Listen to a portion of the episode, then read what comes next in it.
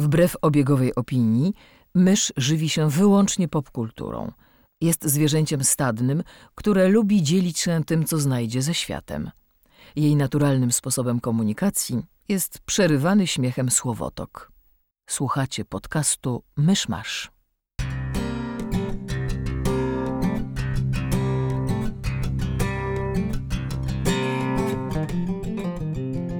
Droga publiko, jest 31 października 2023 roku. Tego dnia, rok temu, odnaleziono moje zakrwawione zwłoki. Cześć, jestem Krzysiek Seran i mówię do was z zagrobu, a ze mną przy mikrofonach są Mysz, która wie co zrobiliście Uuu. i Kamil Borek, który nigdy wam nie wybaczy. Burek. Dziś jest Halloween, dziś, Dziś jest jest Halloween, Halloween. Halloween, Halloween, Halloween, Halloween, Halloween. Halloween. Dzień tak, Ciekawe, czy to się jakkolwiek synchronizuje. Nie. dzień tak straszny, że mysz masz wstał z grobu. Uuu. Uciekajcie! No dobrze, e, zebraliśmy się tutaj, żeby nagrać specjalny, okazjonalny, ekstraordynaryjny odcinek pełen e, strachów, morderstw, trupów, guli i czego tam jeszcze. E, I mamy dla was taki klasyczny, e, Miszmasz. Podwójny, podwójny seans klasy B.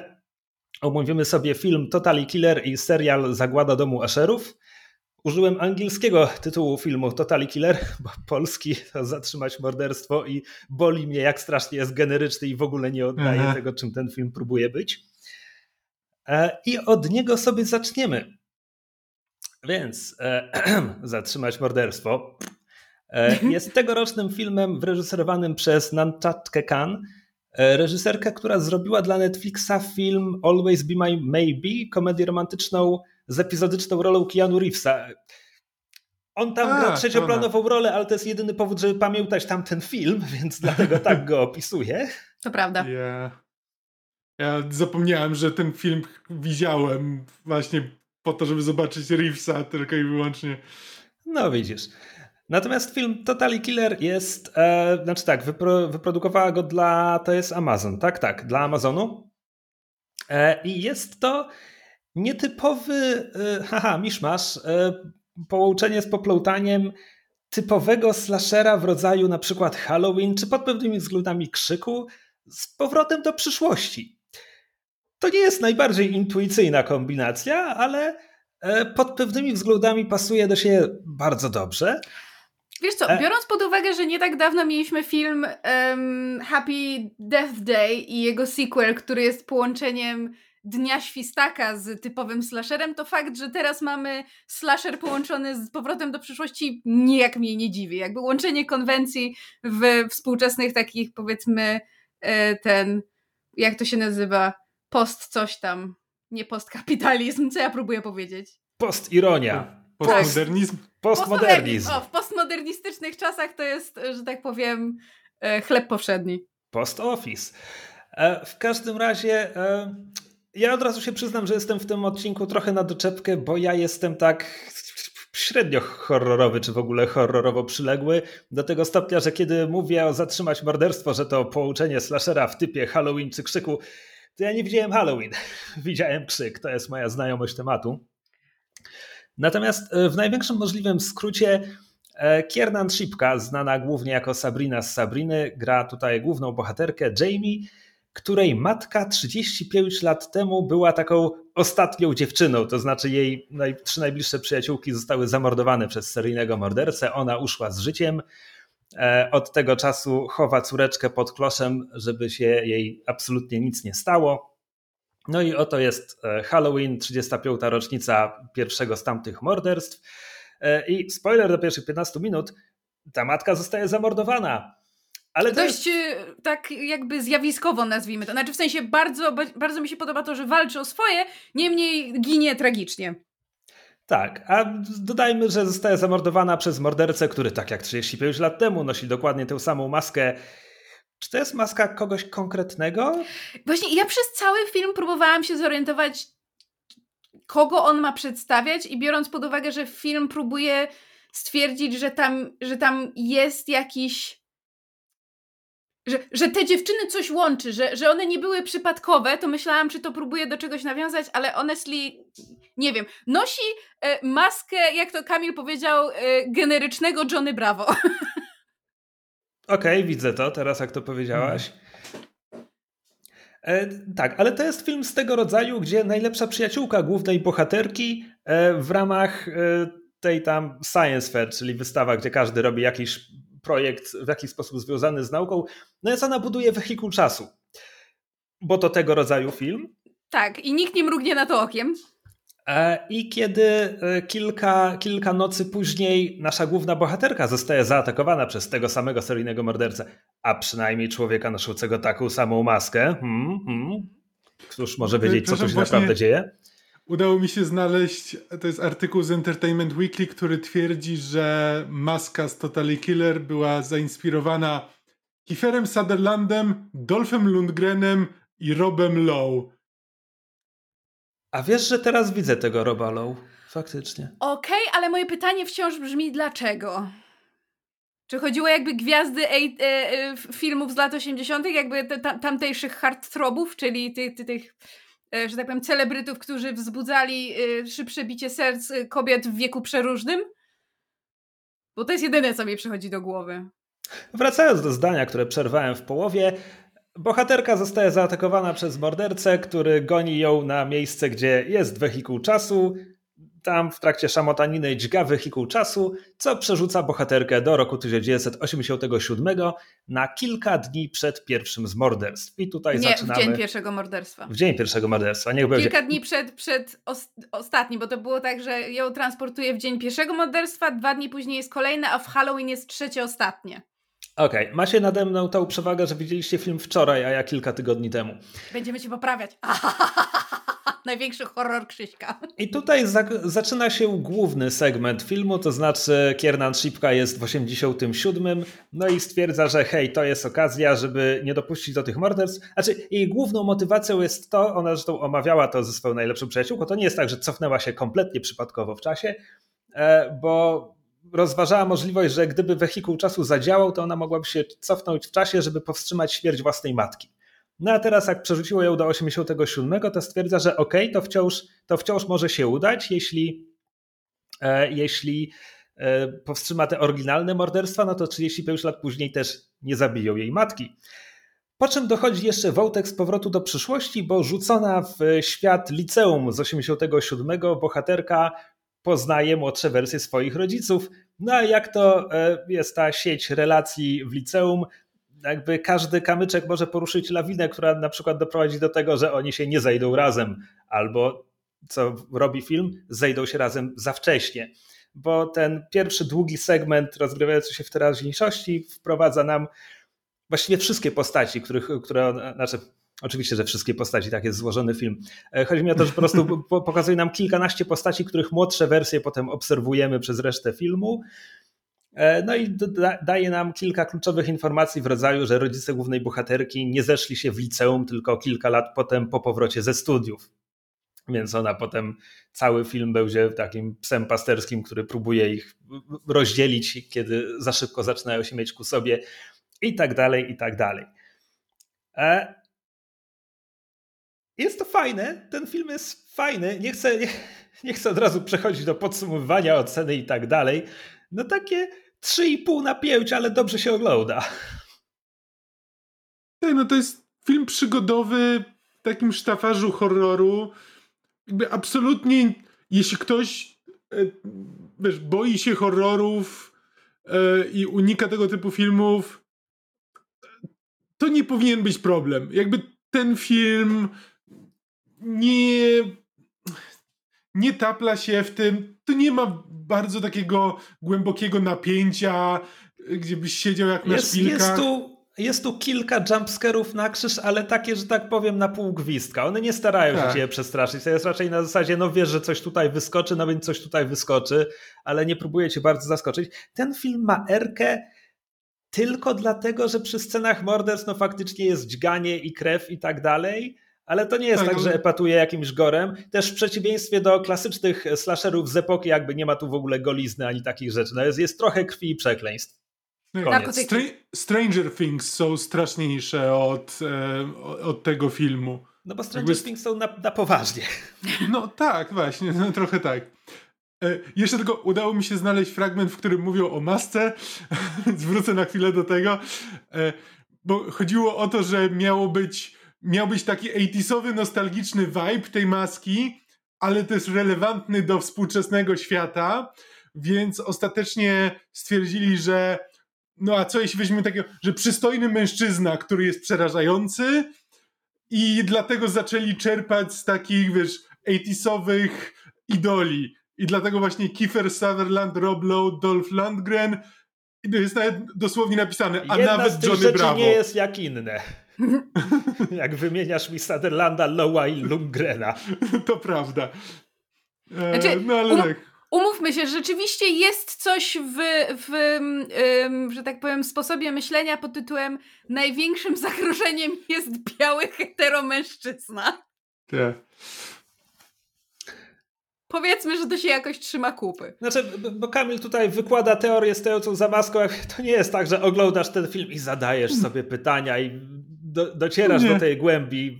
Nie, ale jakby umówmy się, że y, film.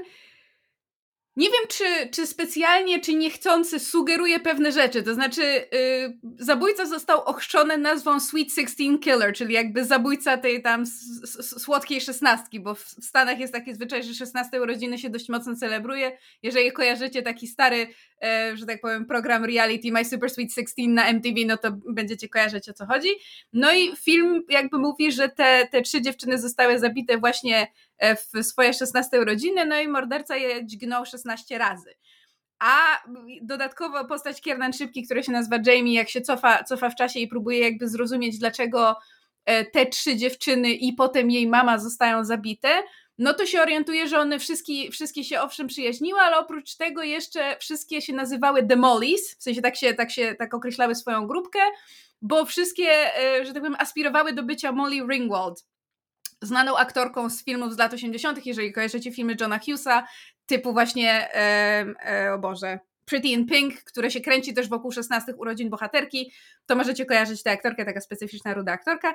No i wie, więc ta, ta, ta friend groups, y, ta, ta, ta, ta grupa przyjaciółek w Totally Killer ubiera się i stylizuje na postaci Molly Ringwald. Więc jakby film próbuje sugerować, że jest jakiś motyw przewodni za, za tym, dlaczego akurat te dziewczyny i, i, i, i dlaczego 16 razy i dlaczego ten morderca je, je napastuje. Ostatecznie się wychodzi, że, Znaczy nie, no, no, ostatecznie wychodzi, że, of- że to jest bardziej osobiste. Ofiary są ściśle powiązane tym, że są grupą najlepszych przyjaciółek, które są na, na dodatek kliką trzęsącą liceum i będącą bardzo wredną dla wszystkich innych jakby motywów mnóstwo, bez liku. Znaczy tak, e, z zalet, e, zde- zdecydowanych zalet tego filmu, e, Kiernan Szybka jest świetna. Ja daję dodatkową gwiazdkę temu filmowi tylko za nią, bo ona ma stricte, znaczy to jest rola przede wszystkim komediowa, gdzie chodzi o konfrontację współczesnej nastolatki z realiami lat 80., co jest rozgrywane głównie w dość oczywisty sposób, Tak, ale, ale są dobre momenty. E, A jednocześnie jakby to jest dziewczyna, która straciła matkę. Jakby film poświęca kilka chwil po prostu na jakby w sensie, że to wraca co jakiś czas w filmie, jakby dramatyzm tej sytuacji, ciężar emocjonalny i tak dalej. I ona jest w stanie jakby udźwignąć i jedną i drugą e, stronę tej roli. Znaczy, E, i ono to praktycznie bardzo fajnie. ciągnie, bo w, to nawet nie jest to, że film jakby bardzo poświęca na to czas, ale kiedy ona po prostu jakby mówi o tym, co się wydarzyło, ona jakby opowiadając ekspozycję, kiedy rozmawia właśnie z dziewczyną, która ma szansę przenieść ją w czasie i jakby wyjaśnia, co się wydarzyło jakby tworząc ekspozycję, a kiedy dochodzi do jej matki, widać, że jakby opowiada o tym, ale z trudem. I jakby po prostu nie ma nic w samym tekście, to nie jest to, że jakkolwiek reżysersko film się na tym zatrzymuje, cokolwiek daje jej tą szansę, tylko po prostu w dość zwyczajnie rozpisanym dialogu Kiernan Szipka jakby sprawia, że jakby czujesz to, że kiedy ona o tym mówi, to autentycznie czuje to i próbuje to siebie wyrzucić, żeby, bo musi powiedzieć te rzeczy, ale, e, ale autentycznie jest to dla niej trudne i to naprawdę bardzo fajnie to odgrywa. Tak, no i e, tak jak miała najlepszą przyjaciółkę w teraźniejszości, tak 35 lat wcześniej e, matka jej najlepszej przyjaciółki jakby wpada dokładnie w tę samą rolę e, od ich pierwszej rozmowy. To jest film o podróżach w czasie, który e, zawiera kwestie, nie lubię filmów o podróżach w czasie, nigdy nie mają sensu, po czym próbuje nam powiedzieć, czemu jego podróże w czasie mają sens, stwierdzając e, deklaratywnie, że cały czas dzieje się wszędzie naraz, co nie ma sensu.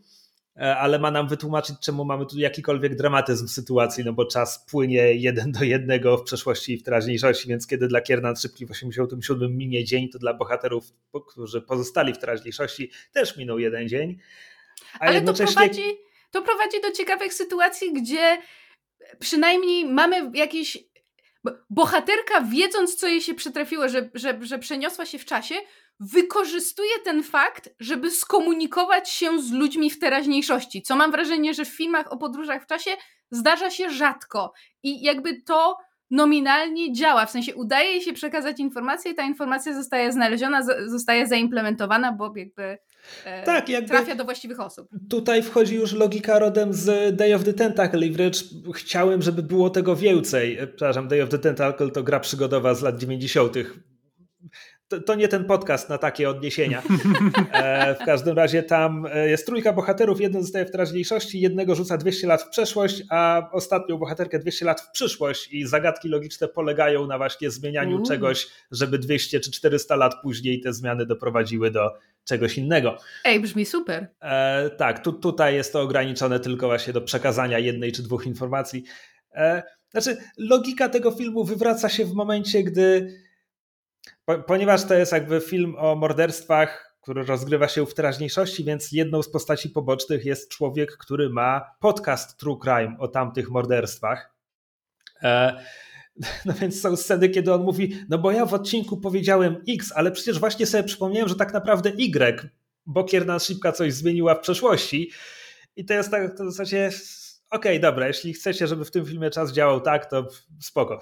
Znaczy, ale e, film, film próbuje to uroczo wytłumaczyć efektem Mandeli, co uważam za całkiem zabawne. Na zasadzie, że no, y, znaczy, nie wiem, czy słuchacze wiedzą, efekt Mandeli to jest to, że y, wszystkim się wydaje jedno, w momencie, kiedy tak naprawdę wcale tak nie jest. Nazwa wzięła się stąd, że wszyscy myślą, że Mandela zginął, w, zmarł w więzieniu wcale tak nie było. Ale wszyscy, wszyscy mają tak to jakoś zakodowane, bo jakaś tak, wiecie, przez, przez osmozę, osmozę błędna informacja nam się gdzieś w, wdrożyła, wpoiła. Więc film tłumaczy to, to, że właśnie to, że ten e, podcaster True Crime, że, że myślał jedno, a tak naprawdę jest drugie, tłumaczy to efektem Mandeli i mówi, że, że, że, że jest teoria, że każdy efekt Mandeli wynika właśnie z tego, że że, że coś w przeszłości zostało zmienione, że to nie jest to, że po prostu wszyscy żeśmy się pomylili i źle myśleli, znaczy to... tylko gdzieś nastąpiło zagięcie czasoprzestrzeni. To mówi bohaterka od wehikułu czasu, nie gość od tak. podcastu True Crime, ale tak. tak. Dziękuję, tak. Dobrze to naprostowałeś. Jakby, ponieważ ona się tym interesuje, bo zbudowała, buduje machinę czasu, więc jakby z jej ust u, uważałam, że to jest całkiem urocze wykorzystanie efektu Mandeli do tego. Tak, no w przeszłości e, główny, główny ten element humorystyczny polega nie tylko na konfrontowaniu bohaterki z rzeczywistością, z przyszłością, e, ale przede wszystkim na konfrontowaniu jej z tymi wszystkimi postaciami, które zna jako dorosłych ze swojego życia, tam ustatkowanych, poważnych, nudnych ludzi, którzy teraz są szalejącymi nastolatkami w, w liceum. Jakby największy, największy kontrast jest oczywiście jeśli chodzi o jej własną matkę, która okazuje się być mean jedną, girl. jedną z najgorszych dziewczyn w liceum i tak dalej. Tak. A, I jest to wszystko fajnie rozgrywane. Ta aktorka, która gra nastoletnią wersję matki też e, jakby... Mm. Olivia Holt. Ona, ona, ona ma dość niewdzięczną rolę, w sensie gra takiego przepraszam mm. za to słowo, pustaka licealnego, e, ale tam są, tam są sceny, kiedy, kiedy coś z tej postaci wychodzi trochę więcej. A jeśli czegoś bym sobie od filmu życzył, to może, żeby trochę uwierzył w inteligencję odbiorcy, bo tam są momenty, gdzie jakby. Znaczy, przede wszystkim, jeśli dobrze pamiętam, a widziałem ten film parę tygodni temu, ale tam wielokrotnie, jak spotykamy kogoś w przeszłości, to mamy przebitkę, która przypomina nam scenę sprzed 20 minut z filmu, żeby nam pokazać, że tak, to jest ta postać, którą widzieliśmy jako doro jej dorosłą wersję. Jakby naprawdę można było to zostawić, żebyśmy się jakby może do, domyślili, albo żeby scena później dała dodatkowy kontekst, żeby nam to potwierdzić, a nie Mm. tak ciągle jakby chamsko nam pokazywać, tak, to jest on, tylko 35 lat młodszy. Są też takie momenty, gdzie wyraźnie praca kamery właśnie w pewnym sensie traktuje widza jako idiotę, bo oczywiste jest, że jak em, kręci się horror, zwłaszcza, ta, zwłaszcza taki właśnie powiedzmy z elementem humorystycznym w stylu na przykład Krzyku, który jest jednym z takich tych najbardziej znanych meta-horrorów, em, no to, to, to kamera na pewnych, rzeczy się, pewnych rzeczach się zatrzymuje, albo żeby budować napięcie, albo żeby zasugerować nam jakiś, wiecie, jakiś szczegół, jakiś detal, który potem się okaże ważny, no, strzelba Czechowa i tak dalej. Um, swoją drogą w tym filmie jest w pewnym sensie strzelba Czechowa, tylko jest nieco inaczej skonstruowana i bardzo mnie to rozbawiło. Jest pistolet Czechowa. Um, wracając do mojej myśli, e, w tym filmie te, te, te dłu- dłużyzny, takie te długie ujęcia na pewnych elementach są za długie. W sensie bardzo prosto patrząc na pracę kamery jest rozgryźć kto zabił i, i może nie dlaczego, ale jakby kto jest mordercą. I wydaje mi się, że to jest też wynika w pewnym sensie z, z braku doświadczenia reżyserki, bo ona nie ma zbyt wielu chyba. Oh no, wait, I take that back. No, I take it back again. Przepraszam. Po prostu ma, ma sporą filmografię telewizyjną, tylko że jako scenarzystka. Natomiast y, reżyserką, y, wyreżyserowała tylko dwa filmy, to jest jej drugi film, a wcześniej reżyserowała dwa seriale, gdzie jakby seriale się jednak kręci y, pod wieloma względami inaczej niż, niż, niż filmy.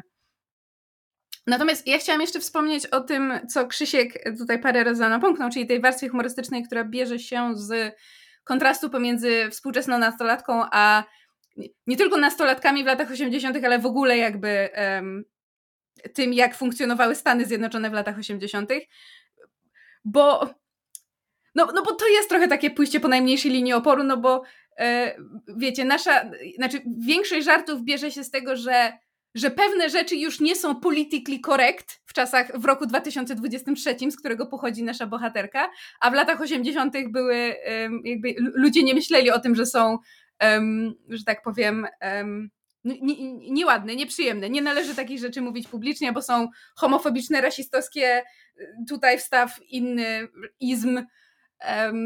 ale są też takie elementy rzeczywistości, gdzie na przykład bohaterka przychodzi w, w roku 87 do liceum, w którym y, przebywa jej na- nastoletnia mama i te, i te trzy dziewczyny, które mają zginąć.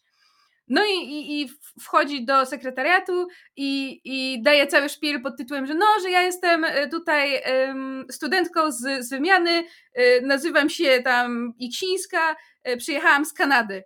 I, I babka jej wręcza ten, no, plan zajęć i, i bohaterka się pyta, a nie, nie, nie sprawdzi tego pani gdzieś, jakby nie, nie skonsultuje z jakimś, jakimś systemem? Nie. I ten żart pod tytułem, że w latach 80. wszystko było na słowo honoru i nikt nic nie sprawdzał, powtarza się w kółko i z jednej strony go rozumiem, a z drugiej strony mam takie no tak, no życie było prostsze, no co z tego? Że przede wszystkim to jakby nie było gdzie takich rzeczy sprawdzać.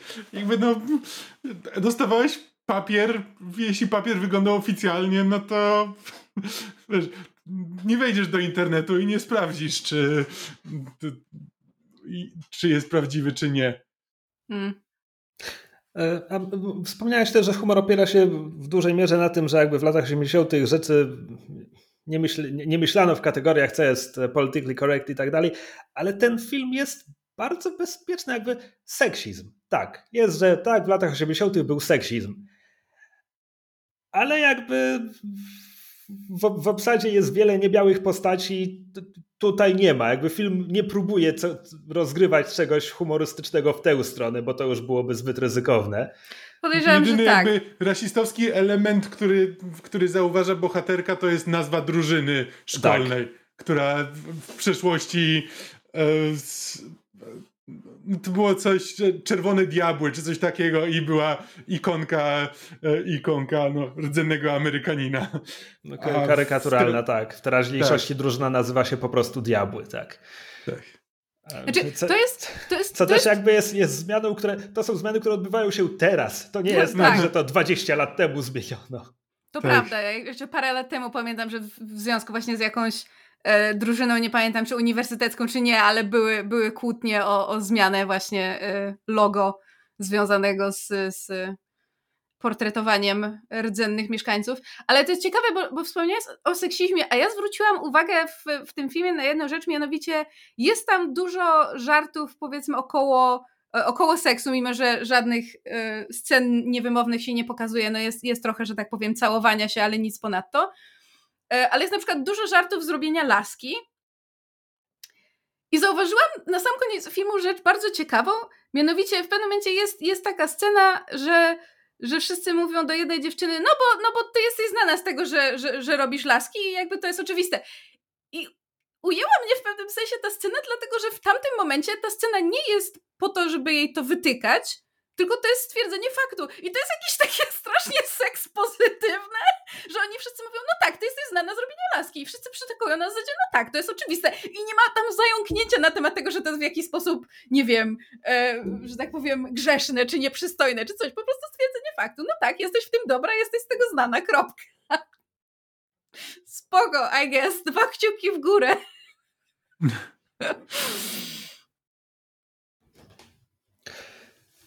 Znaczy ja wracam, wracam do mojej wstępnej oceny, że to jest jakby 3,5 gwiazdki na 5, ale, Tak.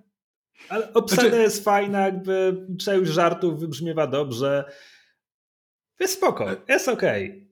Czy to jest trochę tak, że jeśli kogoś to tak, to co tutaj mówimy o tym filmie, tak nawet zainteresowało, interesuje ją taki właśnie lekki horror z interesującymi pomysłami, podróżami w czasie, to polecam Happy Death Day e, obejrzeć, e, jeśli nie widzieliście.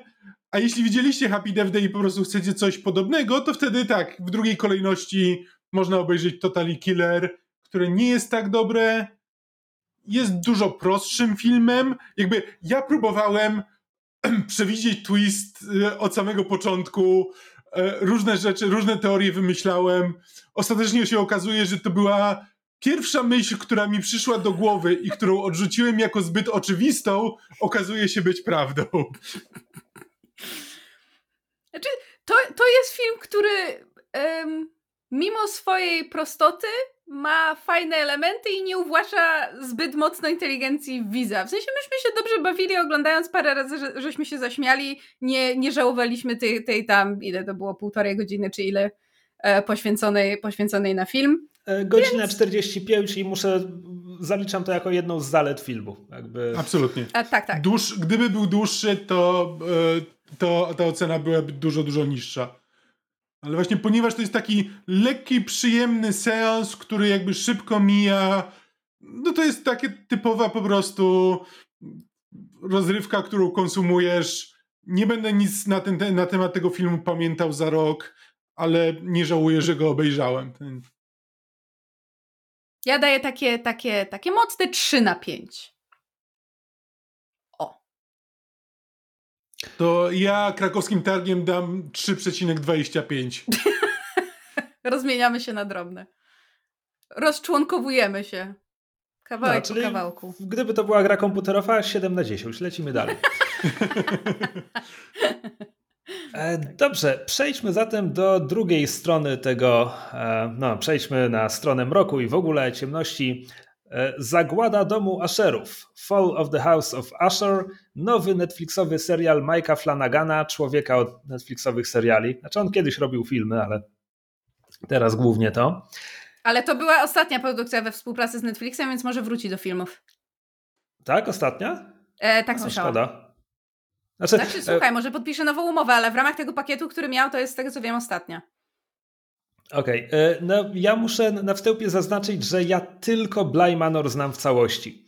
E, Nawiedzony dom na wzgórzu, że tak powiem, widziałem pojedyncze sceny, kojarzę vibe i o co ogólnie chodzi, ale nie obejrzałem tamtego serialu, a Midnight Mass nic, znaczy wiem o czym jest, bo trudno, trudno było się nie dowiedzieć w pewnym momencie, ale, ale nie widziałem nic z tamtego serialu. Jest super. Ja w E, ogóle jestem, jestem ogromną fanką Mike'a Flanagana. E, Bardzo powoli przechodzę przez jego filmografię, ponieważ to jest twórca, który potrafi mną e, trząchnąć na wszystkie najlepsze sposoby, nie tylko pod względem strachu, ale elementów jakby emocjonalnych, jakie zabiera w swoich, w swoich produkcjach, więc powoli przechodzę przez jego filmografię, ale z właśnie um, The Haunting of Bly Manor, The Haunting of Hill House i Midnight Mass to są jedne z moich najbardziej ulubionych horrorowych rzeczy, jakie widziałam. I tak samo jego adaptacja um, książki Stephena Kinga Doctor Sleep, która jest ciekawa dlatego, że jest nie tylko adaptacją książki, ale jest też sequelem do lśnienia, Do lśnienia. nie tylko książkowego, ale i filmowego, więc musi zawrzeć w sobie bardzo dużo elementów, jest bardzo ciekawą adaptacją, w ogóle mam wrażenie, że Mike Flanagan jest bardzo dobry w adaptacji, to co pokazał, bo Bly Manor Poczekaj. i Hill House y, też są, też są ym, w pewnym sensie adaptacjami, tak jak The, The Fall of the House of Usher. Znaczy, Bly Manor jest bardzo odległe z tego, co się zorientowałem. No ale, jest ale tak. inspirowane powieściami Henry'ego Jamesa. Ale, ale czekaj, bo mówisz jego filmografii. Czy ty oglądałeś jego filmy pełnometrażowe? Bo, że tak powiem, Doctor Sleep na przykład. właśnie chodzi mi o to, czy poza Doktorem Snem, bo Jeszcze poza tym nie. on robił rzeczy Oculus, Ouija, Narodziny Zła, Zanim się obudzę. I ja nie widziałem tych filmów, ale to chyba były takie trochę... Znaczy, ja słyszałam dobre rzeczy o Absenci, o Oculusie i o Hash chyba. Okej. One wszystkie, patrzę w tym momencie na IMDB i one wszystkie oscylują w okolicach 6 gwiazdek na 10. Co jest zupełnie Takie- przyzwoitym wynikiem. Tak, takie ty- typowo horrorowe. Okej, dobra. Nie widziałem, nie będę się wypowiadał. Te. Więc Zagłada Domu Asherów jest adaptacją dzieła pod tym samym tytułem, ale nie tak naprawdę. Znaczy tak, ale, Ale poza nie tym tylko. jest to tak naprawdę Edgar Allan Poe Cinematic Universe. E, Jakby zaraz będzie portal i wylatuje kruk i czarny kot i co to za dźwięk za ściany z tamtego portalu dochodzi. E, bo zaczynamy od, od e, zaczynamy współcześnie. Magnat farmaceutyczny Roderick Asher właśnie opuszcza pogrzeb członka swojej rodziny, ciągnie się za nim śledztwo, no i on zaprasza, zaprasza prokuratora, który prowadzi to śledztwo przeciwko niemu, na rozmowę w cztery oczy i na wstępie mówi, że po pierwsze przyznaje się do wszystkiego, ale poczekaj, muszę ci podać kontekst i opowiada historię. W zrujnowanym domu dodajmy, bo to jest ważne w kontekście oryginalnej powieści, Tak. znaczy no- noweli e, Edgara Allana Poe. No i Roderick Asher. Mamy narrację ciągniętą tak jakby na trzech płaszczyznach w tym serialu. Ja to oceniam po dwóch odcinkach, przypominam, ale wydaje mi się, że te dwa odcinki są dość miarowe.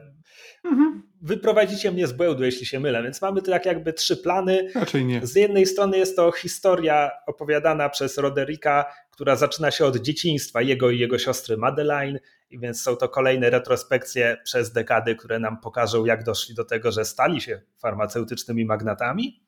Z drugiej strony jest to właśnie sama scena tej rozmowy Rodericka z prokuratorem, który prowadzi przeciwko niemu śledztwo. Jakby też często mamy na nich przebitki, oni sobie prowadzą e, rozmowy, śledczy zadaje e, dodatkowe pytania i tak dalej. A z trzeciej strony jest to historia ostatnich dwóch tygodni poprzedzającą tę scenę, bo zasadniczo cały upadek rodu Asherów odbył się w ciągu tych dwóch tygodni. Jak dowiadujemy się z pierwszego odcinka, w ciągu tych dwóch tygodni e, zginęła cała szóstka jego dzieci. I teraz to jest już, domyślam się rzeczy po dwóch odcinkach, bo serial ma osiem odcinków, dzieci była szóstka, a pierwsze ginie w drugim odcinku. Więc coś mi mówi, że co odcinek będzie historia śmierci kolejnego dziecka, aż dotrzemy do wielkiego finału.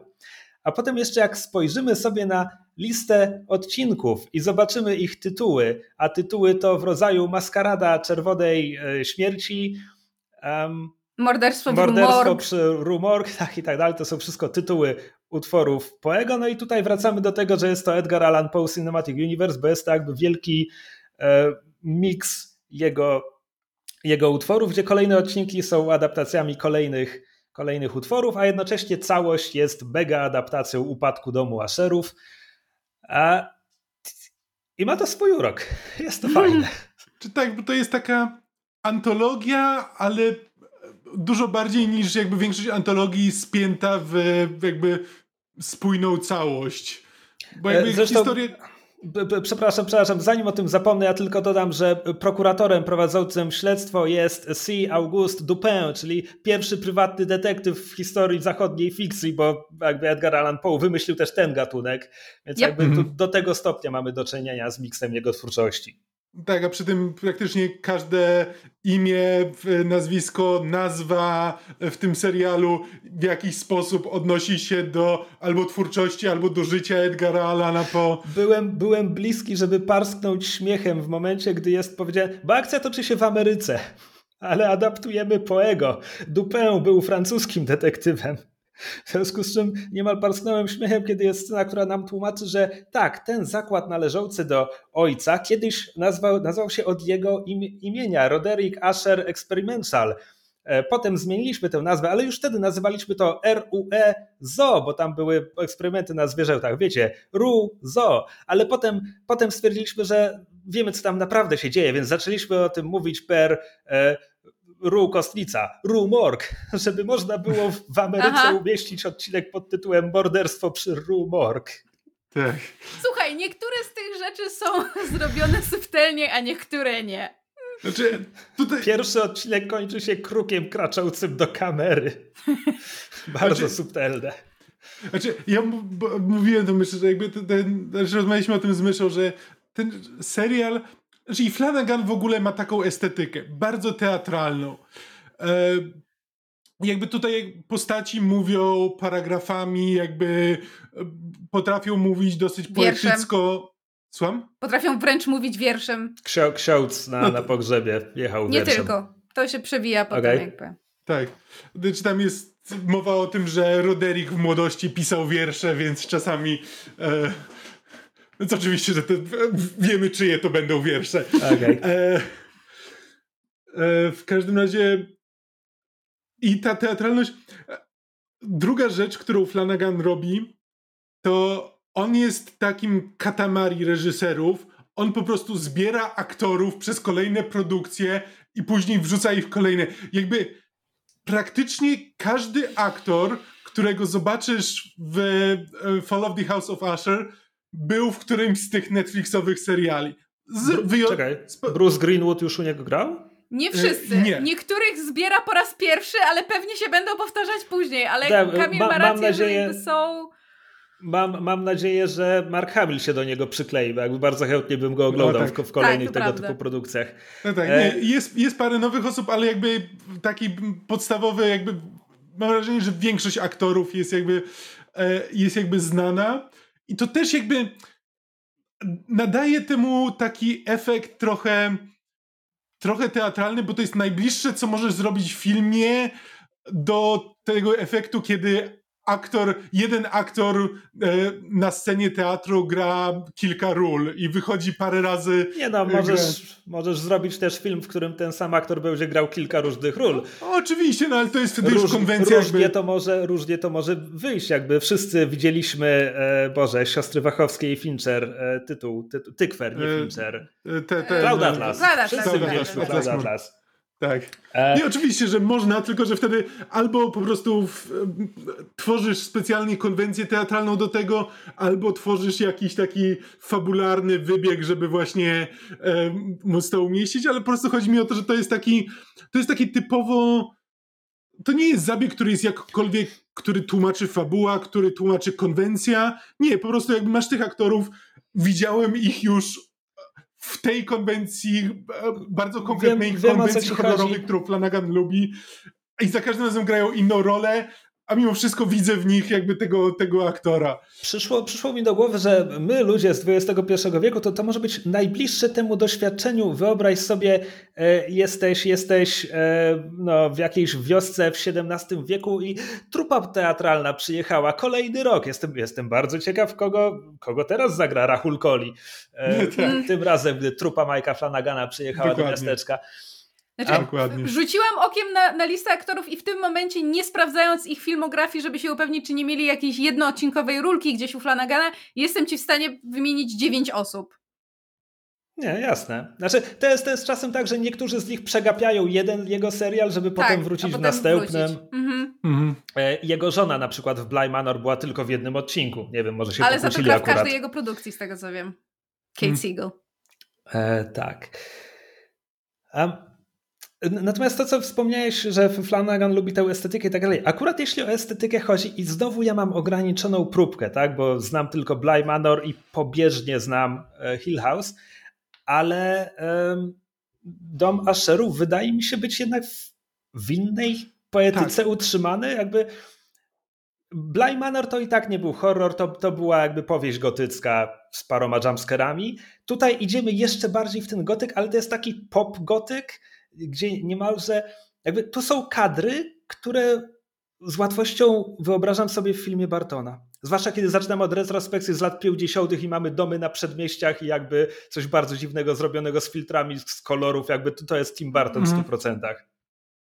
Mm. Tak. Znaczy, ja w pierwszych scenach w, w kościele bardzo mocno e, miałem, miałem wręcz wrażenie, że to musi być e, celowe zapożyczenie pewnej stylistyki z e, sukcesji.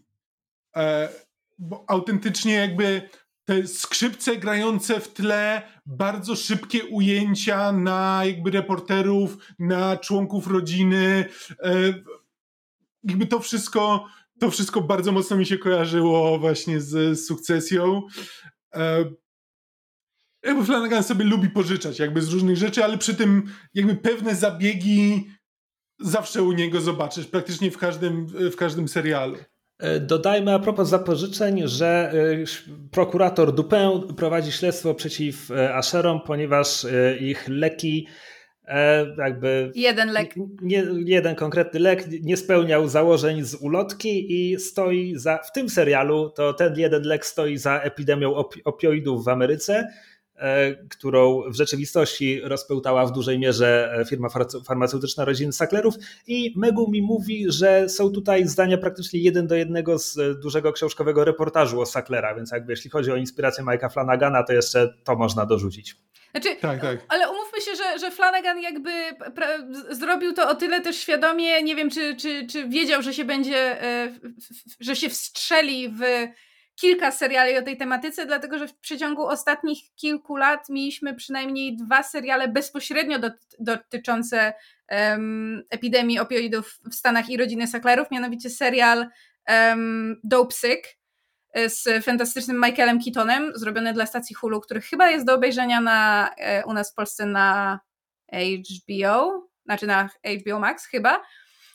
I niedawno wyszedł też serial e, Painkiller z kolei z Matthew Broderickiem, już bardziej bezpośrednio dotyczący rodziny Sacklerów, bo Dopesick jest takim serialem, który opowiada bardziej, jak o, bardziej o ludziach, na których to e, wywarło efekt, jakby takie, wiecie, pojedyncze przebitki na ludzi, którzy się uzależnili od opioidów, lekarzy, którzy je przepisywali, tych e, pharmaceutical reps, którzy, którzy jakby namawiali e, lekarzy do tego, żeby wypisywali ten lek i tak dalej. A Painkiller dotyczy rodziny Sacklerów, więc to jest temat, który w Stanach w tym momencie jest chodliwy, a niedługo będziemy mieli ten film, o Boże, jak on się nazywa. Um, wyszedł trailer już z Emily Blunt i Chrisem Evansem właśnie o e, pharmaceutical reps, czyli o tych, jak to jest po polsku? Handlowcach. Handlowcach, tak. Handlowcach e, leków. E, który właśnie będzie doty do, dotyczył um, tego aspektu jakby um, moralności sprzedawania leków, jak szybko można się na tym wzbogacić, jakim kosztem i tak dalej. I tam z kolei chyba adaptację Sacklera będzie grał Anthony Garcia, I wanna say. Nie, Andy tak. Garcia, co ja mówię?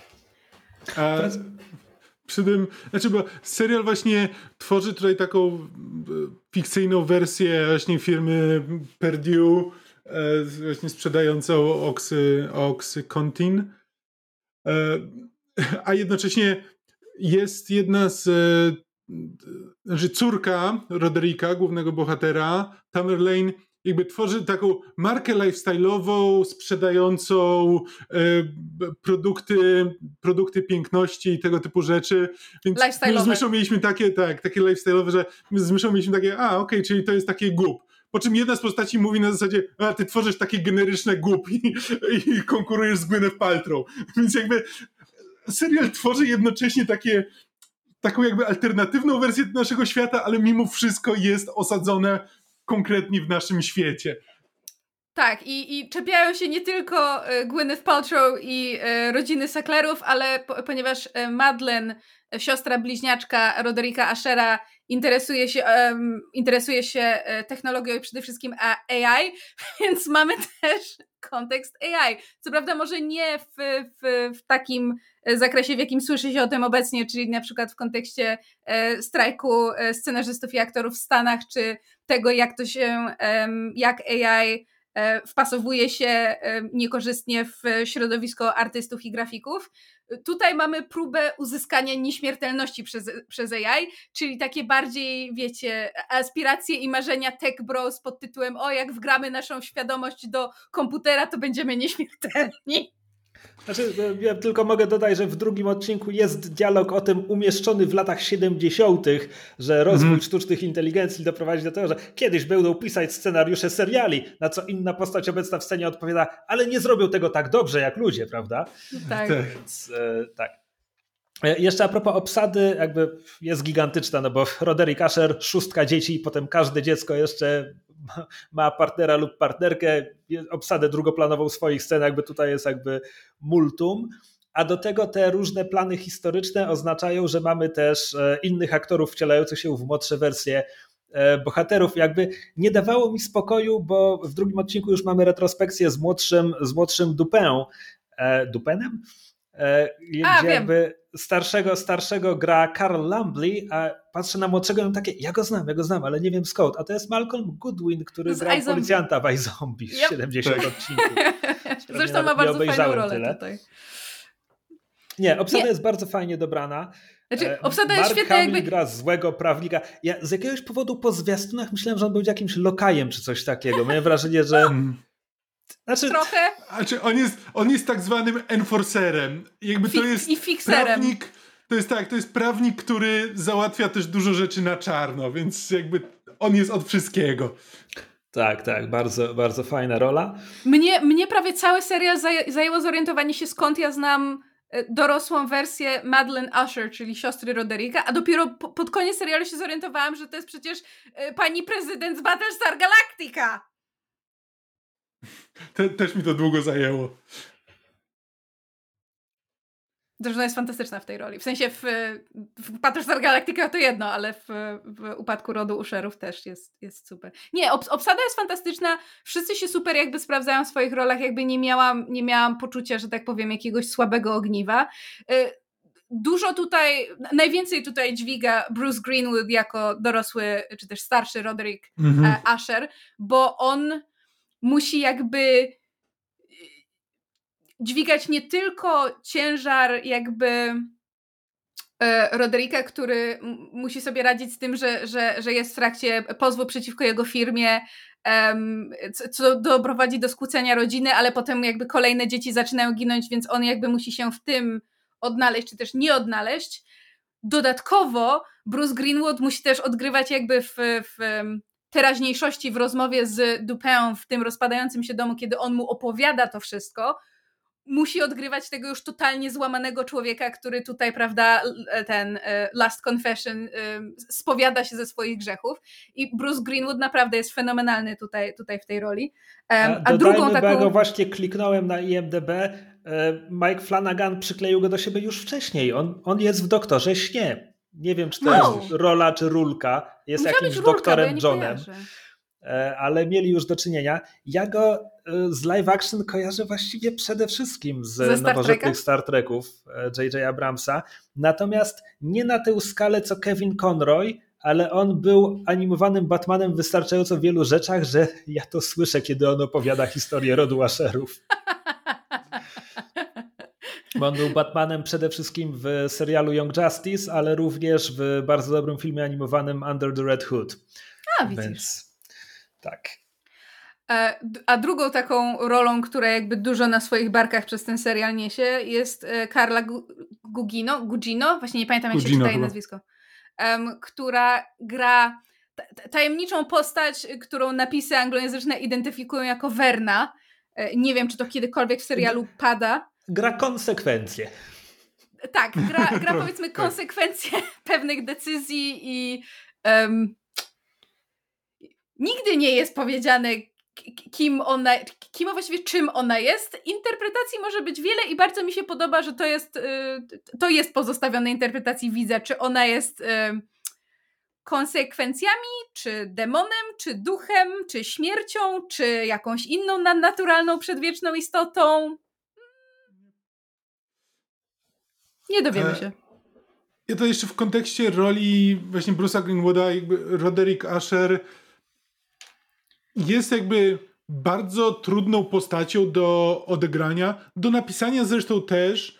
I to, co moim zdaniem jakby ten serial robi bardzo dobrze, to to przedstawia taki, taką postać, która jakby robi rzeczy niewybaczalne. Jakby to nie jest postać, która w jakikolwiek stopniu zasługuje na odkupienie, a przy tym mimo wszystko jakby no cała jej historia to jest taki redemption arc. No bo jakby zaczynamy od tego, że on siada naprzeciwko tego prokuratora i mówi, że teraz się do wszystkiego przyznam. I, i właśnie no, do, do samego końca to jest takie na zasadzie, czy on rzeczywiście próbuje naprawiać jakieś błędy, czy, czy nie, czy to jest bardziej, czy on jest do tego w jakiś sposób zmuszony, czy nie. Jakby musimy się nad tym zastanawiać i serial nigdy nie daje takiej wyraźnej odpowiedzi. I właśnie i do samego końca to jest poprowadzone w taki sposób, że no Roderick Asher pozostaje postacią, która no jakby nigdy nie zostaje do końca odkupiona, ale też możemy sobie zadawać pytanie jakby na co zasługuje te, tego typu osoba i jakby jakie ma konsekwencje jej jakby istnienie w świecie, czy cokolwiek może zrobić, żeby, żeby odkręcić to, co zrobi i właściwie czemu, czemu to robi. I wiesz, jest, jest w tym sporo takiej, jak to oglądamy, bardzo łatwo jest się przyłapać na tym, że czujesz pewną sympatię do tej, do tej postaci.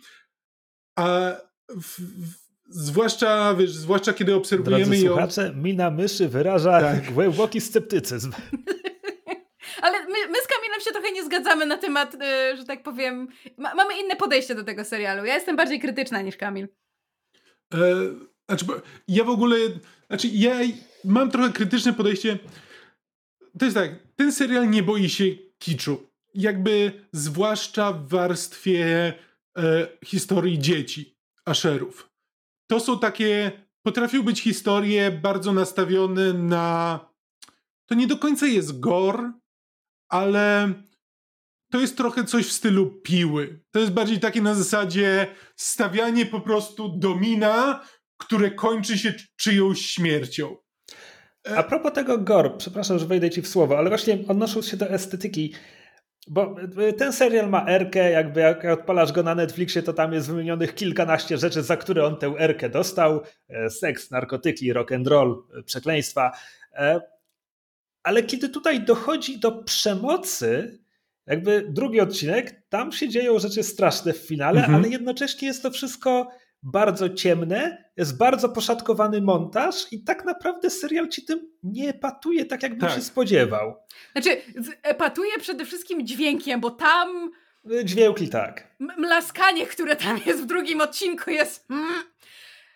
Znaczy, to jest też to, co ja w Flanaganie lubię, że on nawet jeżeli... Znaczy, kiedy straszy i przede wszystkim kiedy obrzydza, ma w tym cel. On, tego, on to bardzo rzadko robi um, tak, tak y, tylko po to, żeby cię przestraszyć, albo tylko po to, żeby zrobić jumpscare.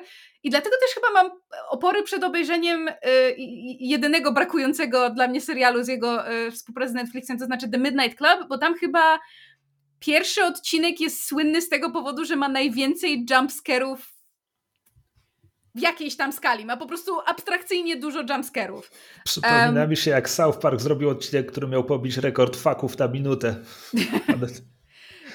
I jakby dla mnie y, ta y, sztuka w sztuce, to znaczy samo to, żeby coś miało dużo jumpscarów nie jest sztuką. To, to, to nie jest osiągnięcie. Jakby ja jestem prosta, wystarczy, że coś upadnie i ja już wrzeszczę. To nie jest sztuka. Sztuką jest sprawić, żebym żeby ten lęk miał sens, żeby po, pokazując mi mój lęk, żeby mi coś powiedzieć o mnie, o ludziach, o tym, kim jesteśmy jako istoty. I to moim zdaniem Flanagan robi świetnie. Ale I tutaj w zasadza się-? W ogóle, jakby w serialach w ogóle, to, co on, to jak on robi horror. Ale tu jest mój główny problem z upadkiem rodu Asherów, żeby moim zdaniem do tej pory Flanagan, kiedy mówił nam coś o nas jako ludziach poprzez horror, mógł korzystać z empatii. W sensie my się boimy i my przeżywamy to, co się dzieje z postaciami, dlatego że w jakiś sposób z, nimi empatyzujemy. Ja uważam, że konstrukcyjnym, w pewnym sensie błędem upadku rodu Asherów jest to, że w tym serialu nie ma postaci, z którą ja mogę empatyzować, w związku z tym, tak jak mogę na, na, na rozum sobie dopowiedzieć, co serial próbuje powiedzieć poprzez pokazanie znęcania się nad bogaczami, haha, eat the rich, down with late stage capitalism i tak dalej, to mnie to nie rusza, mnie to nie obchodzi i po mnie to spływa.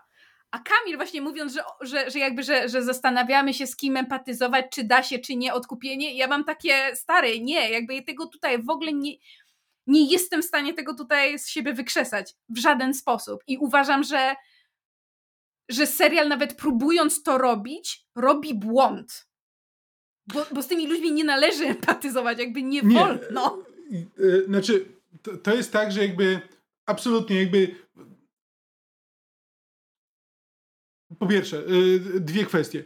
Jeśli chodzi o dzieci, to mam dokładnie te same, te, te same spostrzeżenia, co ty.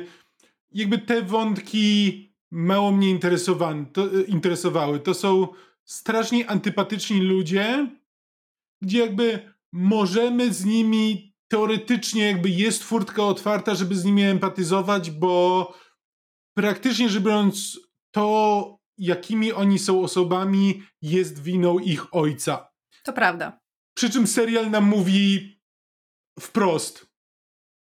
E, Znaczy, to jest, to jest to, co było w, e, czekaj, w, w którym to serialu było. Cool motive, still murder. Tak. Na zasadzie to ci nie, to ci nie tłumaczy. Jakby to, że miałeś, to, to, że masz okropnego ojca w żaden sposób nie jest wymówką, e, żeby być złą osobą.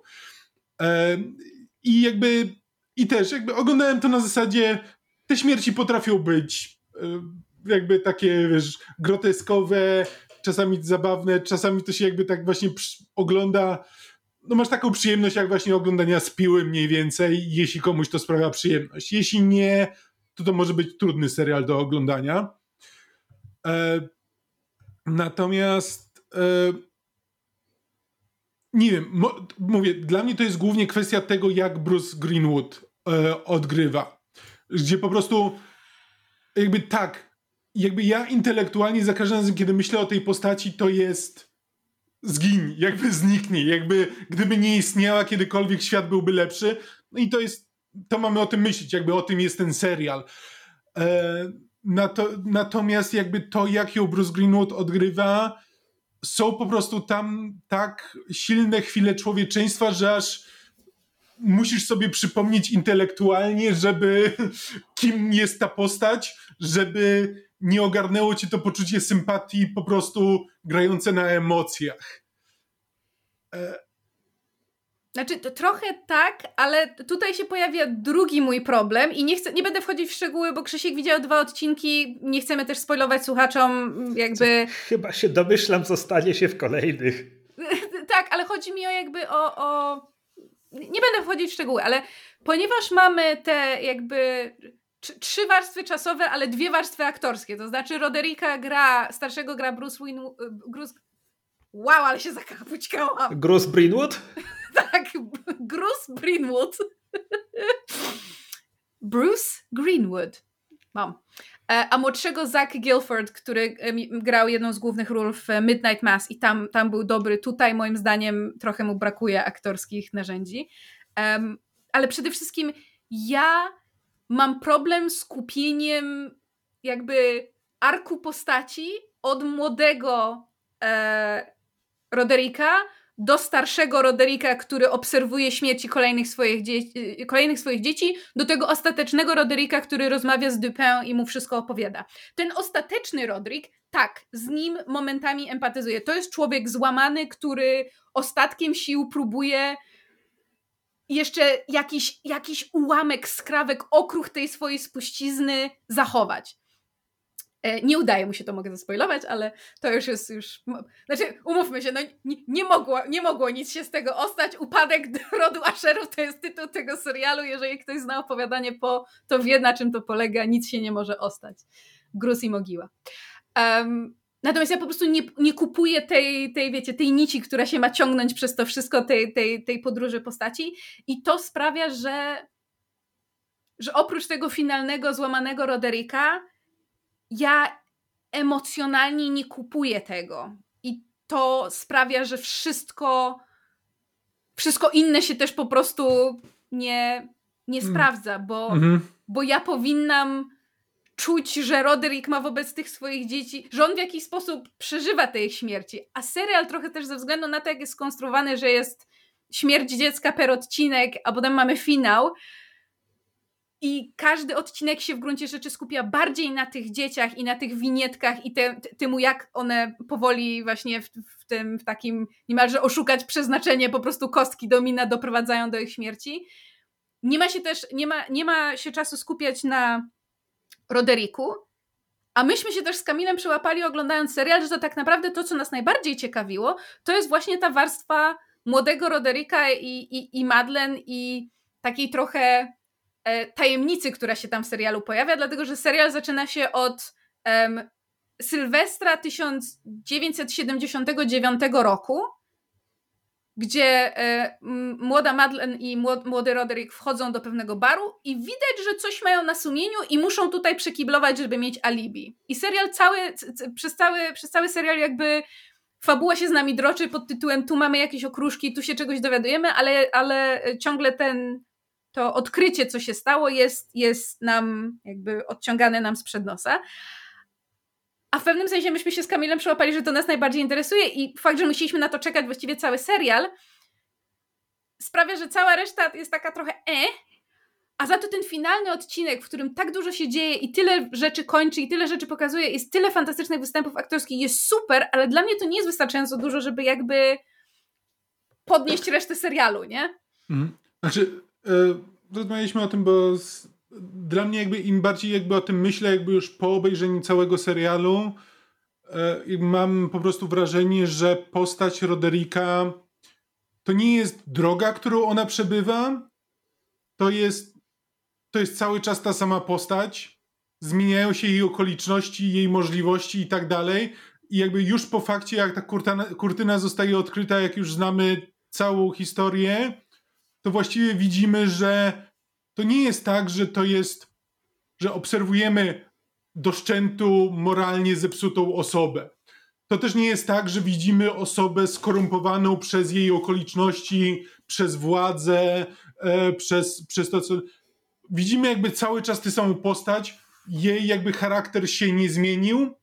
Zmieniło się po prostu to, jakie możliwości się przed nią otworzyły Ile i co ona z tymi możliwościami robi. Mm. Coś w tym jest.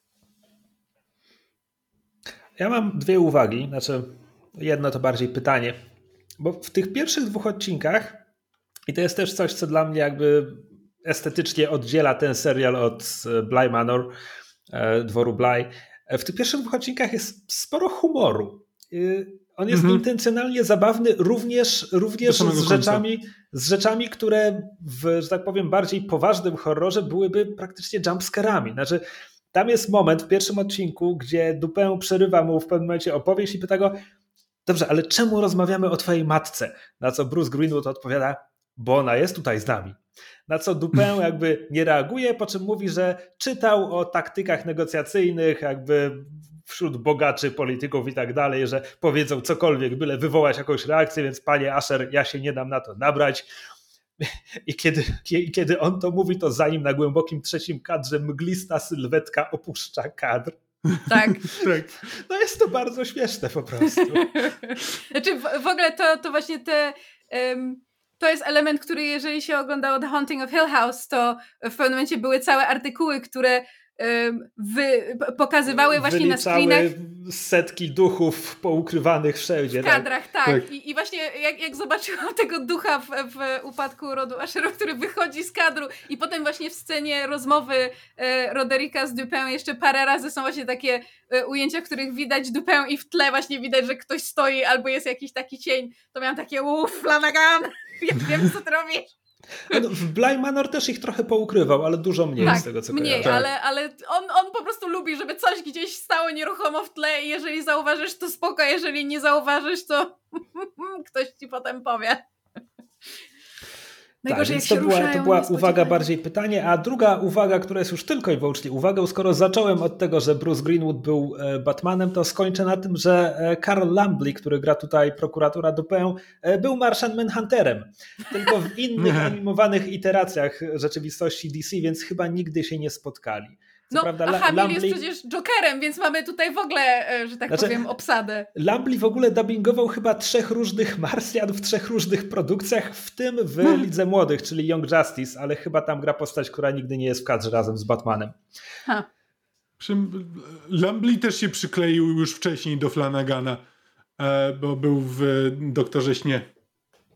Ja muszę zrobić powtórkę z Doktora Snu, bo bardzo mi się ten film w kinie podobał. Myślę o nim ciągle, a nie mogę do niego usiąść, bo się boję. Jest, jest sens go oglądać, jak się nie widziało lśnienia i zna się tylko przeróbki i tak dalej? Um, to, to jest wciąż. Um, moim zdaniem Dr. Sleep wciąż stoi na swoich nogach. Na pewno, jeżeli się zna filmowe lśnienie, e, to są smaczki. Ale wydaje mi się też, Krzysiek, że ty na tyle znasz lśnienie Kubricka z osmozy, że część z nich wyłapiesz bez problemu, a część sobie jakby doczytasz potem i będzie takie, a spoko, no. Widać, że włożyli w to pracę. Ja, ja, nie lub, ja bardzo nie lubię lśnienia jako książki Kinga w ogóle. Nie uważam, że to jest dobra książka. Get in the comments! Nie no, Stanley Kubrick um, chyba się z tobą zgadza.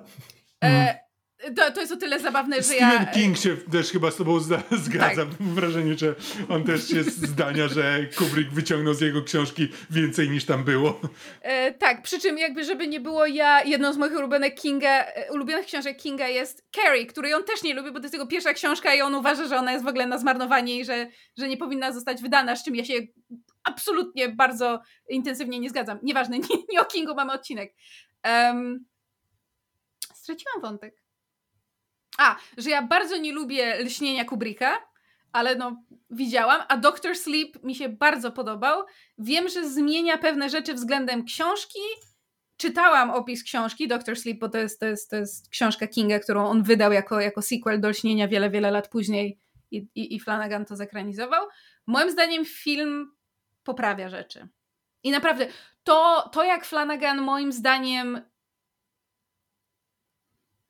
jakie on elementy bierze z lśnienia książki, lśnienia Kubricka, e, książki Doctor Sleep, z innych ekranizacji Kinga i z innych ekranizacji lśnienia, bo jakby Kubricka, e, Kubrick to nie jest, to nie jest jedyna e, z tego co wiem ekranizacja, którą on tam, którą on się inspirował, no, no to po prostu i, i że to się trzyma kupy i że to funkcjonuje jako osobny film, no ja, ja po Doctor Sleep nabrałam do, do Flanagana bardzo ciepłych uczuć, a potem jak już oglądałam te kolejne seria, serialowe produkcje, to stwierdziłam, że to jest mój ulubiony obecnie horrorowy twórca i jakby ja jego rzeczy będę w ciemno oglądała. The Midnight Club nie oglądam tylko z tego względu, że to jest serial o y, śmiertelnie chorych dzieciach, a to jest trochę temat zbyt bliski mi osobiście, a ja pozostałe seriale Flanagana przeżywam emocjonalnie bardzo głęboko. Kamil świadkiem, że ja po pierwszym odcinku The Haunting of Hill House prawie dostałam histerii i musieliśmy zrobić przerwę na dwa tygodnie, a potem oglądaliśmy ten serial tylko w biały dzień, bo ja nie byłam w stanie wytrzymać.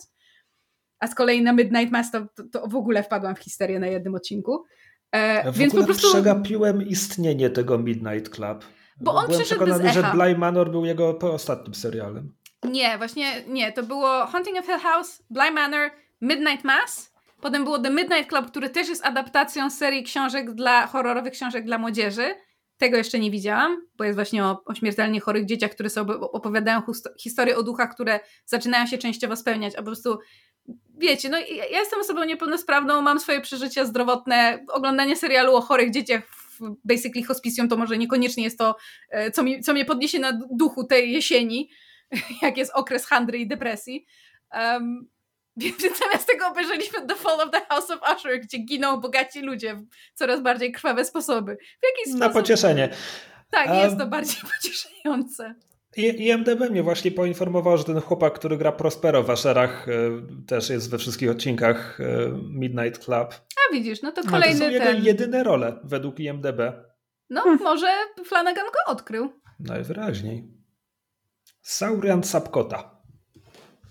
Ja w ogóle, podobnie jak przy, mm, przy naszym poprzednim omówieniu, gdzie jakby po omówieniu zacząłem polecać inne rzeczy, to jakby jeśli ktoś nie widział seriali Flanagana, to mimo wszystko bym prawdopodobnie polecał zacząć gdzie indziej. I chyba, że ktoś jest wielkim fanem Edgara Allana Poe. Jeśli, jeśli tak, to proszę bardzo, jeśli lubicie szukać easter eggi, spoko, to, to, to jest dla was. Mnóstwo. Natomiast tak ogólnie, jeśli chodzi o. Znaczy, Flanagan bardzo dobrze potrafi robić horror połączony z dramatem rodzinnym. I pod tym względem Haunting of Hill House jest prawdopodobnie jego najlepszym, znaczy moim zdaniem, jest Tak. najlepszym, co do tej pory, e, do tej pory zrobił. Przy czym moim ulubionym serialem Flanagana pozostaje Midnight Mass. Jest trochę bardziej właśnie znowu, podobnie jak Fall of the House of Usher, nie boi się kiczu.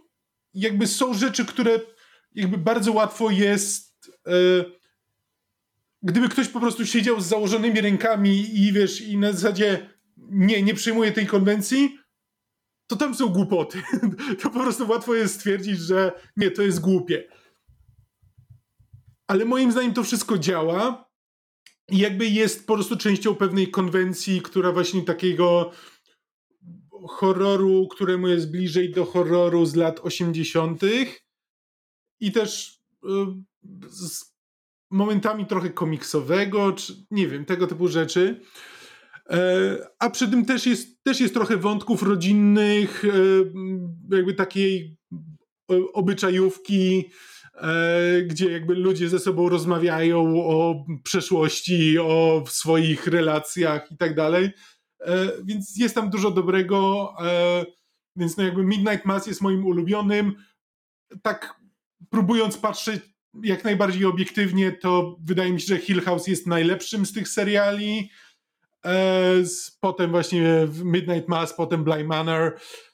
No a House of Usher jest fajne, ma dużo, dużo dobrego, ale to nie jest serial, który będę jakoś wspominał bardzo mocno, w którym są jakieś wątki, które jakby z każdego z pozostałych seriali są przynajmniej wątki, które jakoś ze mną pozostały, coś dla mnie znaczą.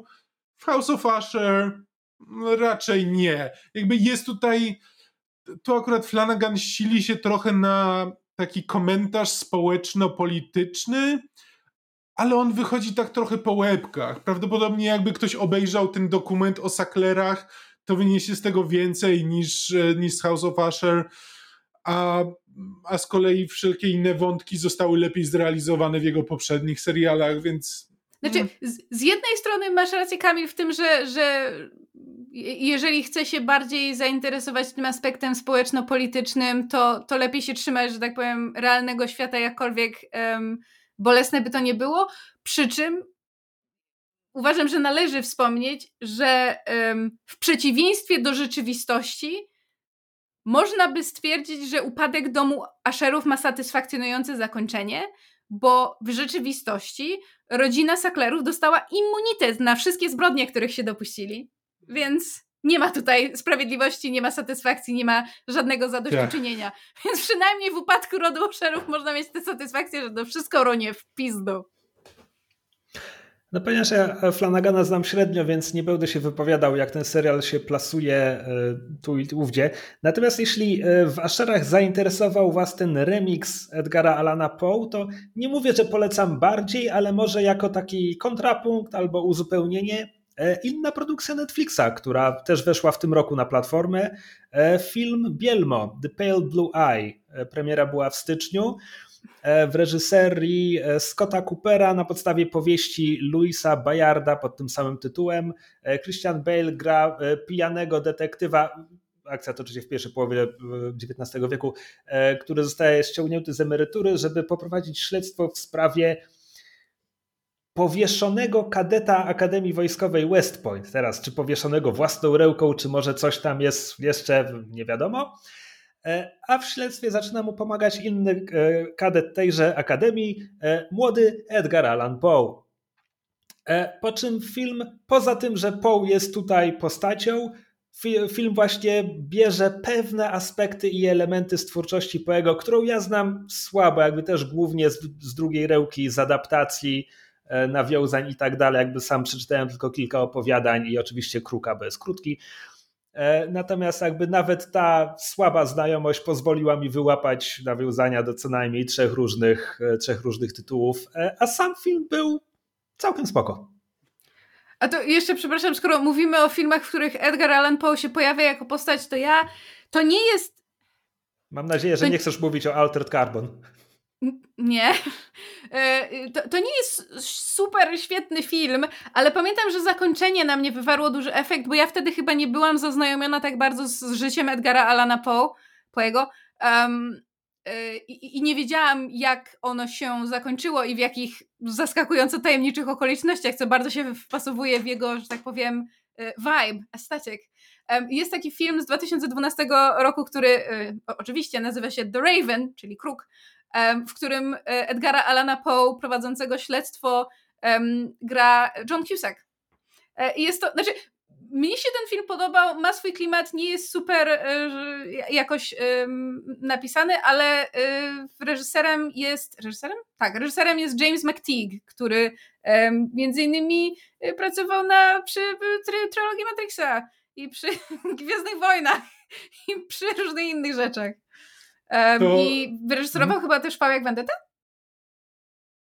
Co? Okay. V jak Vendetta to był przecież film Wachowskich. E, wyreżyserowany przez McTiga. Screen, screen, screenplay Wachowskie napisały. A.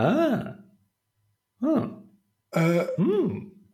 To jak polecamy, polecamy remiksy Edgara Alana Poe, e, to ja polecę e, trzeci odcinek drugiego sezonu Simpsonów The Treehouse of Horror. Najlepsza którym... adaptacja Kruka, wiadomo. Absolutnie. Kruk czytany przez Jamesa Earla Jonesa.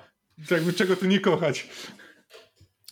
Znaczy, o, ja wiem, jeszcze chciałam a propos upadku rodu Osherów powiedzieć jedną rzecz.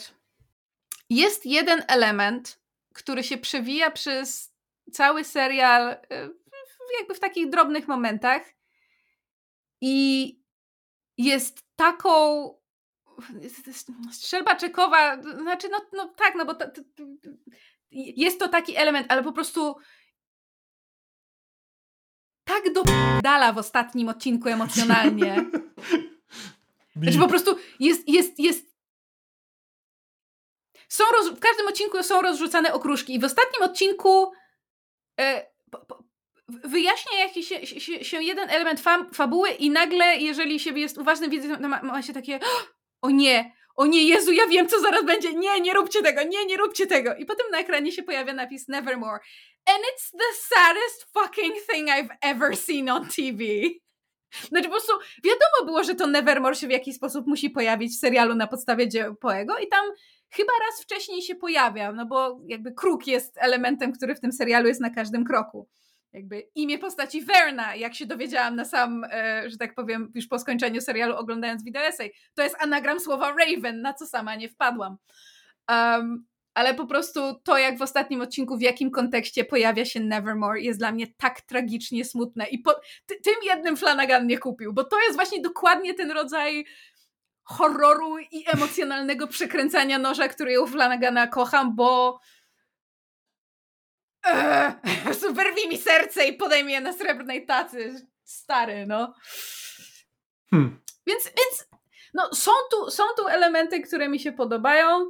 Um, bardzo w, w, trzecim odcinku Krzysztofie, jak dojdziesz, jest, jest właśnie to um, morderstwo w Rumorg. To jest chyba mój ulubiony odcinek i ulubiona śmierć.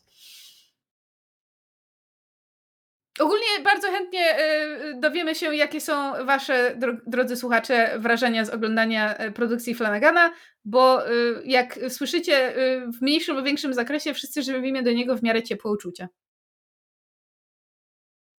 Możecie do nas napisać pod tym odcinkiem na YouTubie, możecie do nas pisać na naszej grupie e, podsłuchane.pl e, ukośnik grupa? Nie. What am I trying Tak. to say? Tak? Tak. Tak jest adres Ale naszej grupy na fejsie?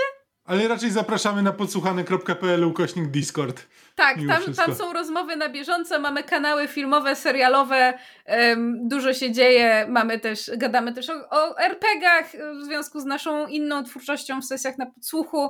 E, Jak zwykle możecie do nas pisać na różne maile, wszystkie są u nas na stronie podsłuchane.pl i to chyba tyle od nas w tym halloweenowym spooky odcinku Myszmasza. Tak, E, liczymy wszystkie to. strachy wracają pod łóżko, demony chowają się w piekle, duchy wracają do grobów, a podcast Myszmasz zasypia ponownie spokojnym snem zmarłego. Ale Ja myślałam, na że zimowym. pewno?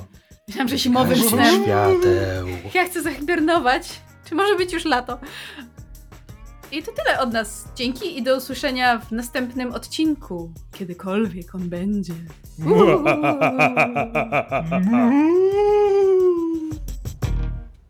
Boo bitch!